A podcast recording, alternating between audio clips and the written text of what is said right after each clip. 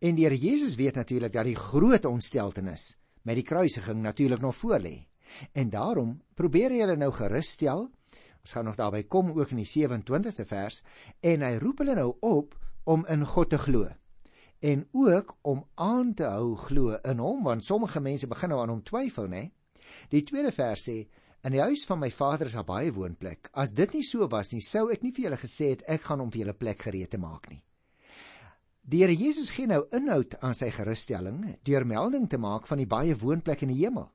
Hy gaan alles vir hulle gereed maak en luister as by 'n wonderlike beeld, né? Dit is soos wanneer 'n mens vir jou oupa en ouma op die plaas aan kuier het in die goeie ou dae. Nou kom jy daar dan, ouma 'n nuwe koekie seep in die badkamer gesit, skoon gestyfde lakens op die bed, want my kinders kom huis toe. En dit is dieselfde beeld wat die Here Jesus hier gerusstellend gebruik. Hy sê ek gaan vir julle plek gereed maak en as julle plek gereed is, eers dan sal ek julle kom haal. O die Here kom 'n mens nooit te gou haal nie. Hy kom jou nooit te laat haal nie en daarom kan ons getroos wees dat hy jou ook nie op die verkeerde manier kom haal nie. Maar as jou plek gereed is, dan kom hy jou haal. Vers 3 en 4.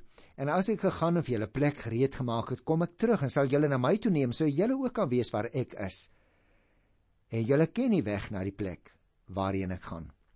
Nou luisteraars, die Here Jesus verwys natuurlik hier na sy wederkoms wanneer hy sal terugkom en die gelowiges kom haal wat saam met hom moet wees. En daarna verskuif die fokus van hulle bestemming waar ook Jesus is na die weg om daar uit te kom. Die Here Jesus meen dat die disippels weet hoe om hom na te volg. Hy het immers in al sy leringe aan hulle die weg duidelik uitgewys. As ek dit net mag saamvat en sou wou sê, die Here Jesus se woorde laat ook vir jou vir my besef dat die pad na die Vader geen onseker pad is nie. Die ewige lewe is net so 'n sekerheid as ons geloof in Jesus Christus. Hy het al reeds die pad geloop na die ewige lewe toe deur sy dood en opstanding. Daardeur het hy dit voorberei. En daarvan kan ons in hierdie oomblik doodseker wees. Die enigste onsekerheid is of ons bereid is om in hom te glo. Ons moet ook natuurlik met nog 'n moontlikheid rekening hou broers en susters. 'n Mens kan op twee maniere voor die Here verskyn. Of die een waarna hy hier verwys, wanneer hy weer 'n tweede keer kom met sy wederkoms. Die ander manier is natuurlik wanneer ons sterwe voordat hy kom. Dan is 'n mens ook oombliklik in die teenwoordigheid van die Here. En daarom is hierdie gedeelte so geweldig belangrik en so troosvol dat ons weet as 'n gelowige in Christus gesterf het, is hy onmiddellik by die Here daardie oomblik as hy sy asem uitblaas. En nou is dit natuurlik so. In tye van nood en onsekerheid is daar een ankertou waaraan die navolger van die Here Jesus moet vashou en dit is geloof in God. Alsou Petrus en Judas ook teleurstel, net soos jy en ek. Die grootste teleurstellings nog voorlê op hierdie stadium vir sy disippels. Moet elke disipel nou aan God geanker bly. Jesus gaan om die woonplek by sy Vader gereed te maak, het hy gesê voor sy vertrek. Eers val die fokus dus op die woonplek. Dit is die hemel en daarna op die pad soontoe. Die Christen het 'n geborgde toekoms, hoor, omdat ons 'n kruis en 'n leë graf in ons verlede het wat dit vir ons vas en seker maak dat ook ons toekoms vas staan. Die Here Jesus gaan by sy terugkeer die gaste kom haal vir ons almal wat die Vader hom gegee het. Dit is hulle wat nie seun glo. Hulle wat Jesus aangeneem het. En daarom broer en suster sal daar mense wees wat op daardie dag nog lewe en dan kom hy hulle haal. Vir ander wat nie tussentyd sterwe langs die pad. Hulle het ook die vaste sekerheid hulle gaan onmiddellik by die Vader wees in die Vaderwoning met die baie woonplek. Maar nou kom ons by vers 5 en hier ontmoet ons 'n bekende man, ou Thomas.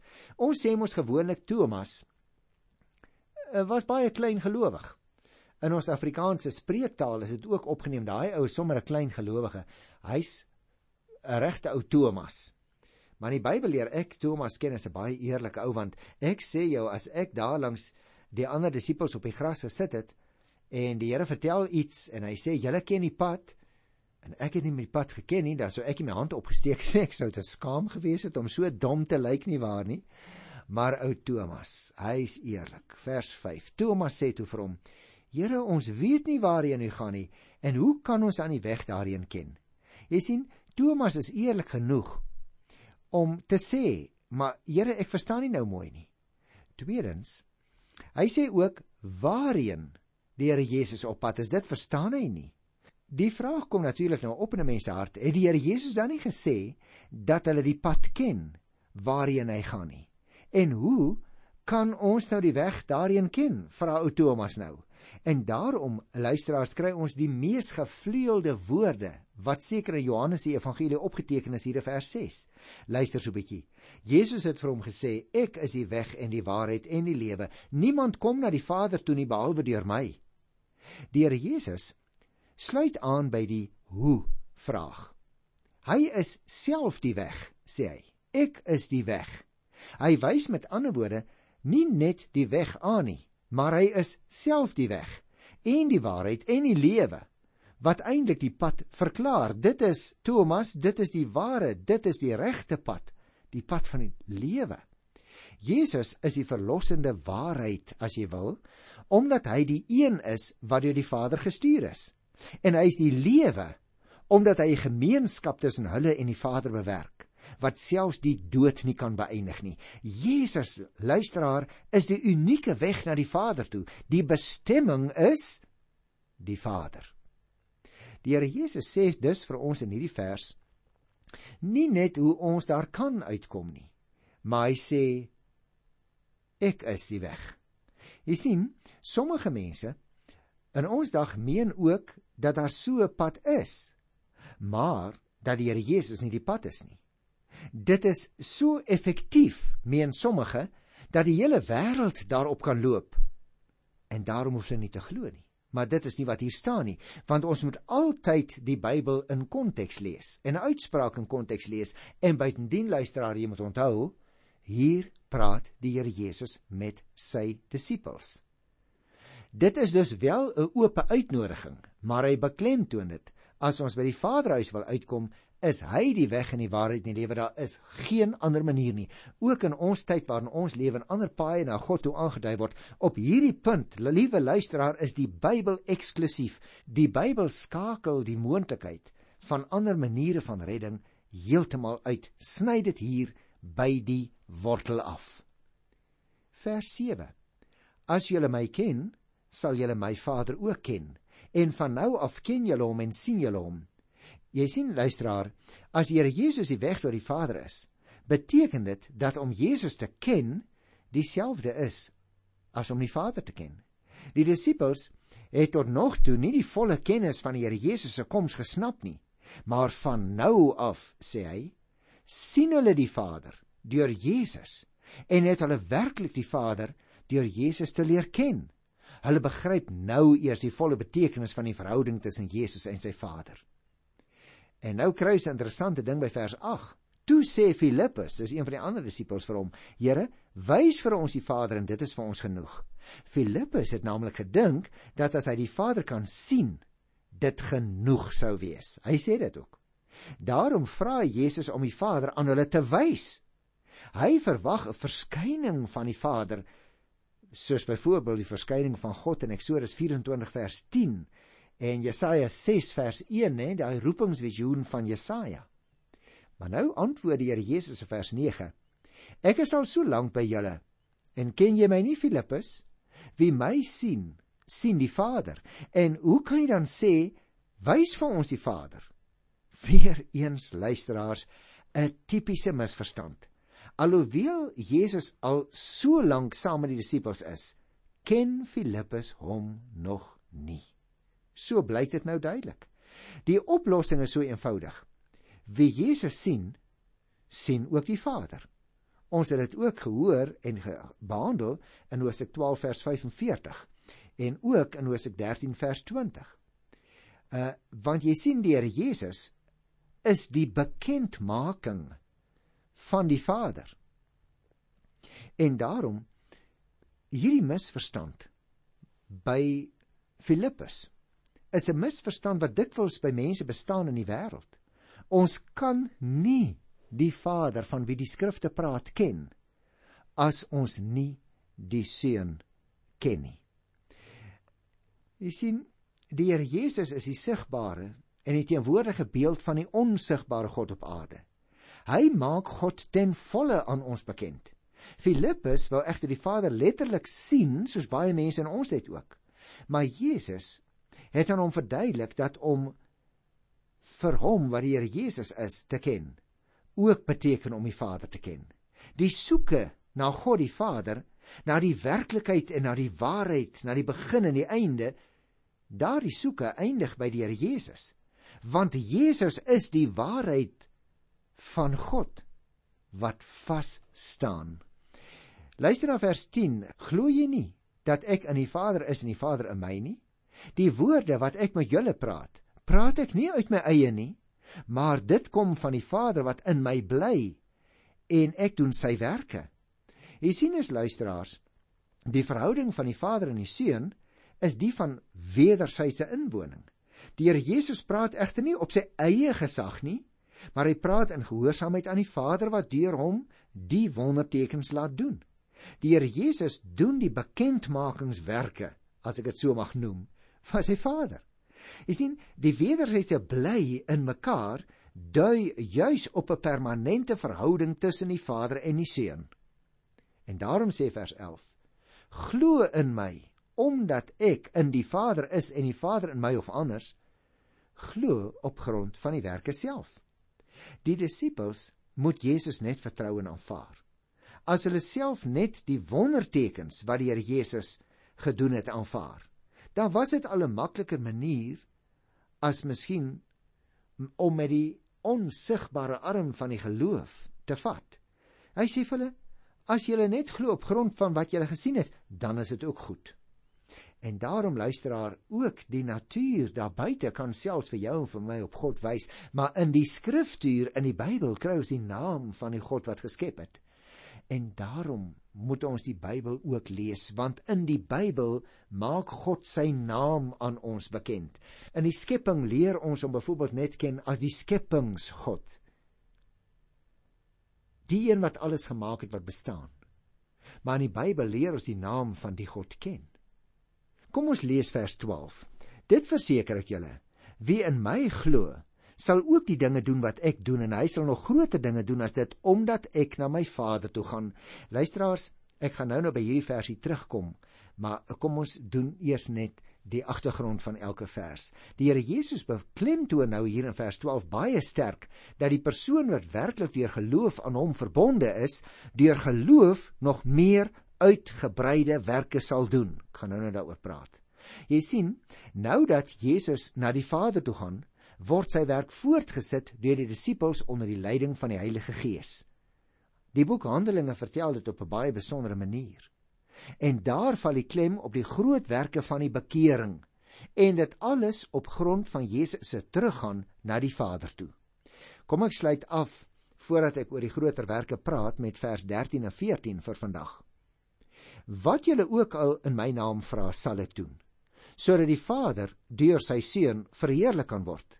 As julle my iets in my naam vra, sal ek dit doen. Jy sien elke gebed wat groei uit die geloofsverbondenheid aan Christus en wat gerig is op die eer van God, sal deur Christus verhoor word, so sê hy self hier. Die disippels bid as die gevolmagtigdes van Jesus in sy naam en Jesus verhoor hulle gebede. Die werke van God wat bekendmakende werke is, sal nog deur die gevolmagtigdes van die Seun gedoen word ook nadat hy verheerlik is, nadat hy weggegaan het.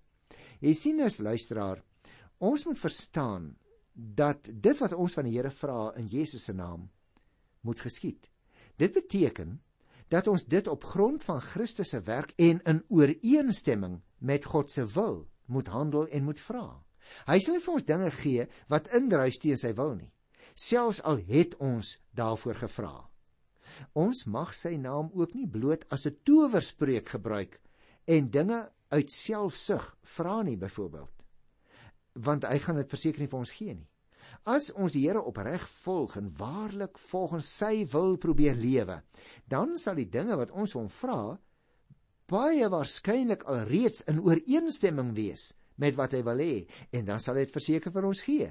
Jy sien die belangrikste saak is natuurlik die uitbreiding en die erkenning van God se heerskappy deur almal en deur alles. Maar luisteraars, ek het gesê ek wil so klein bietjie stil staan by die 12de vers want ek dink daar's baie misverstande. Kom ek lees dit weer. Dit verseker ek julle, wie in my glo, sal ook die dinge doen wat ek doen, en hy sal nog groter dinge doen as dit, omdat ek na die Vader toe gaan. Nou jy sal weet dat baie mense in, in ons tyd ook daardie uitdrukking julle sal groter dinge doen as ek, juis wil betrek op wonderwerke. Juis wil mense by geleentheid sê nou maar uit die dood opwek want so sê hulle ons sal dan nog groter dinge doen as wat die Here Jesus gedoen het nou ek staan spesifiek by hierdie gedagte stil omdat ek dink daar 'n paar aspekte is wat ek baie graag met jou sal wil deel kom ek begin so hierdie 14de hoofstuk in die evangelie van Johannes is natuurlik 'n baie bekende hoofstuk. Dit is die wonderlike beeld van die Here Jesus wat na die Vaderhuis toe gaan wat vir ons plek voorberei en dis 'n wonderlike beeld wat hy ook gebruik. Ek het net nou daaroor gepraat. Maar kan ek my voorstel watter onrus daar in die disippels se harte moes lê? Wat van die tyd totdat ons hom weer sien? Hoe gaan ons die dinge doen wat hy gedoen het? Selfs groter dinge as dit, hoor ek hulle vra. Buitendien as die mense ons meester so sleg behandel het, wat gaan hulle nie alles met ons doen nie? En ek dink dis 'n vraag wat hulle met goeie reg sou kon vra luisteraars. En miskien selfs nog belangriker. Hoe gaan ons die dinge doen? Ons wat so magteloos is. Jy sien, dit is die vraag wat ook in jou en in my tyd baie dikwels gevra word. Dit is juis ook die dinge wat ons tog sulke swak Christene laat voel, nie waar nie? Want ons doen nie die dinge wat die Here Jesus gedoen het nie. En daarom wil ek graag hierdie vraag op die tafel sit vandag hier oor die oor die lig. Kom ons kyk 'n oombliekie na hierdie uitdrukking groter dinge. Want jy sien luisteraar, nêrens in die boek Handelinge wat net hierna volg om 'n beskrywing te gee wat gebeur het na die Here Jesus se hemelvaart. Nêrens in die boek Handelinge lees ons van 'n apostel wat op water geloop het nie. Lees ons eers van water wat in wyn verander het nie. Lees ons van 'n blinde wat laat sien is nie. Lees ons van skaars mense wat gevoed is nie. Die groter dinge kan so lyk dit vir my dus nie op die Here Jesus se wonderwerke wat oortref gaan word dui nie. Daarom wil ek vir jou twee vrae vra. Eerste vraag. Hoe wyd dink jy het die Here Jesus se aardse bediening gestrek terwyl hy hier op aarde was. En ek sou wou sê, luisteraar, glad nie baie wyd nie. Onthou jy en het jy geweet dat die Palestina van daardie tyd ongeveer maar so 240 km wyd was? Dit was minder as die helfte daarvan breed, ongeveer maar 110 km. Die wydheid van die Here Jesus se aardse bediening was dus nie baie wyd nie. Die tweede vraag Hoe groot was die Here Jesus se invloed? Luister, glad nie baie groot nie. Want hier op die aand voor sy dood in Johannes 14 was daar maar net 11 van sy volgelinge wat rondom hom oorgebly het. En kort na sy opstanding was daar maar net 120 mense saam. Ons lees van hulle in Handelinge 1 vers 15.